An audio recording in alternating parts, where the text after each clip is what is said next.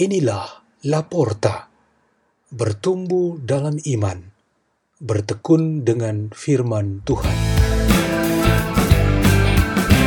Dibawakan oleh Suster Tresia, MCFSM, dan Suster Ince, MCFSM. dari Biara MCFSM Paroki Santo Servasius, Kampung Sawah, Bekasi, Keuskupan Agung Jakarta.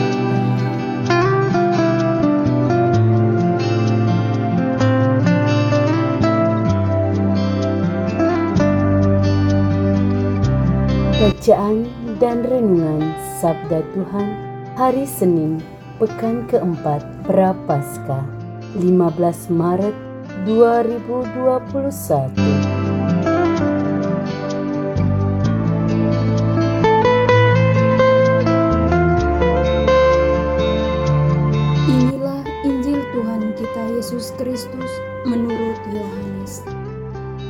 Sekali peristiwa, Yesus berangkat dari Samaria dan pergi ke Galilea. Sebab ia sendiri telah bersaksi bahwa seorang nabi tidak dihormati di negerinya sendiri. Setelah Yesus tiba di Galilea, orang-orang Galilea pun menyambut dia karena mereka telah melihat segala sesuatu yang dikerjakan Yesus di Yerusalem pada pesta itu, sebab mereka sendiri pun turut ke pesta itu.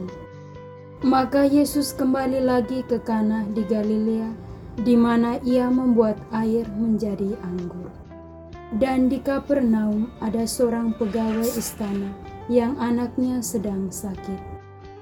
Ketika pegawai itu mendengar bahwa Yesus telah datang dari Yudea ke Galilea, pergilah ia kepadanya, lalu meminta supaya Yesus datang dan menyembuhkan anaknya, sebab anaknya itu hampir mati.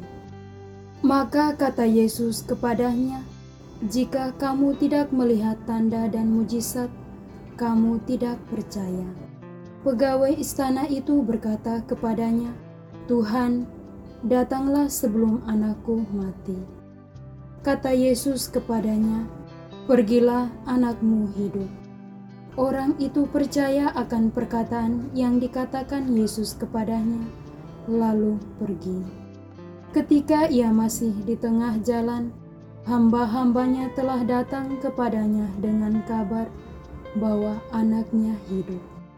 Ia bertanya kepada mereka, "Pukul berapa anak itu mulai sembuh?" Jawab mereka, "Kemarin siang pukul satu demamnya hilang." Maka teringatlah ayah itu bahwa pada saat itulah Yesus berkata kepadanya, "Anakmu hidup." Lalu ia pun percaya, ia dan seluruh keluarganya. Dan itulah tanda kedua yang dibuat Yesus ketika ia pulang dari Yudea ke Galilea. Demikianlah Injil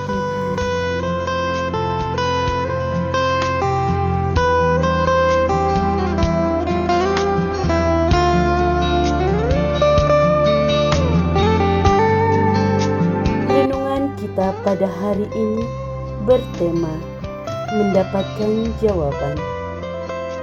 Ada seorang pemudi 27 tahun memutuskan dengan serius untuk mendapatkan jodoh dan menikah. Setelah kuliah dan mulai meniti karir, ia fokus dengan pekerjaan. Urusan berpacaran tidak menjadi perhatiannya. Kini setelah menyadari bahwa karir sudah mulai mapan, ia kemudian fokus untuk mendapatkan pasangan hidup. Orang-orang di sekitar meragukan dia bisa mendapatkan pasangan. Namun melalui novena kepada Bunda Maria dan doa-doa pribadi, dalam waktu yang tidak lama, ia mendapatkan seorang pemuda 28 tahun yang sangat mencintainya. Kita sebagai pengikut Kristus, kita dapat jawaban atas proses mengenal dan menyanggupi panggilan Tuhan kepada setiap orang. yang kita sebut iman. Dengan memiliki iman, seseorang dipandang mempunyai hak dan kewajiban sebagai pengikut Kristus yang sesungguhnya. Pintu masuk memiliki iman ini ialah pembaptisan, mencirikan seseorang itu percaya akan Yesus Kristus sebagai putra Allah yang hidup bersama Bapa dalam persekutuan Roh Kudus. Hak-hak seseorang beriman antara lain yang paling mendasar ialah berpartisipasi di dalam Yesus Kristus dengan martabat sebagai saudara atau saudari Kristus atau dengan sebutan spesial sebagai putra atau putri Allah. Dari martabat istimewa ini, terbentuklah identitas Kristiani melalui karunia panggilan Tuhan atas setiap pribadi pengikut Kristus. Panggilan dasar ialah panggilan menjadi Kristen.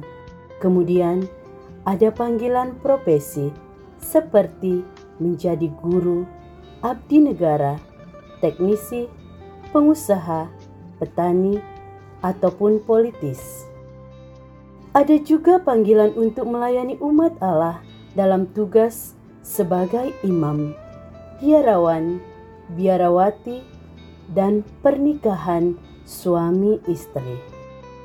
Kewajiban sebagai pengikut Kristus yang sangat mendasar ialah menjadi tanda kehadiran Kristus, terang, dan kebenarannya di dalam dunia. Kita sebagai tanda, maka kita menjadi saksi-saksi Kristus yang hidup melalui perkataan dan perbuatan Kristiani yang menggarami dan menerangi dunia ini. Martabat putra dan putri Allah dengan panggilan yang melekat pada setiap orang akan sangat berguna jika ia menjalankan hidup Kristennya secara bertanggung jawab. Jadi iman merupakan pondasi untuk berdiri dan berfungsi untuk sebuah kehidupan Kristen yang menghayati cinta kasih Kristus dan berpengharapan untuk hidup di dalam langit dan bumi yang baru, yaitu kerajaan surga. Kata Nabi Yesaya dalam bacaan pertama hari ini, pejabat istana mendapatkan jawaban dalam iman setelah mujizat yang terjadi di dalam keluarganya. Iman itu menghantarkan seluruh keluarganya kepada Tuhan. Mereka menetapkan diri menjadi bagian dari Yesus Kristus yang memiliki hak dan kewajiban sebagai pengikut Kristus seturut standar dan kondisi hidup beriman pada waktu itu. Marilah kita berdoa dalam nama Bapa dan Putra dan Roh Kudus. Amin. Ya Yesus Kristus, terima kasih atas rahmat panggilan darimu kepada kami.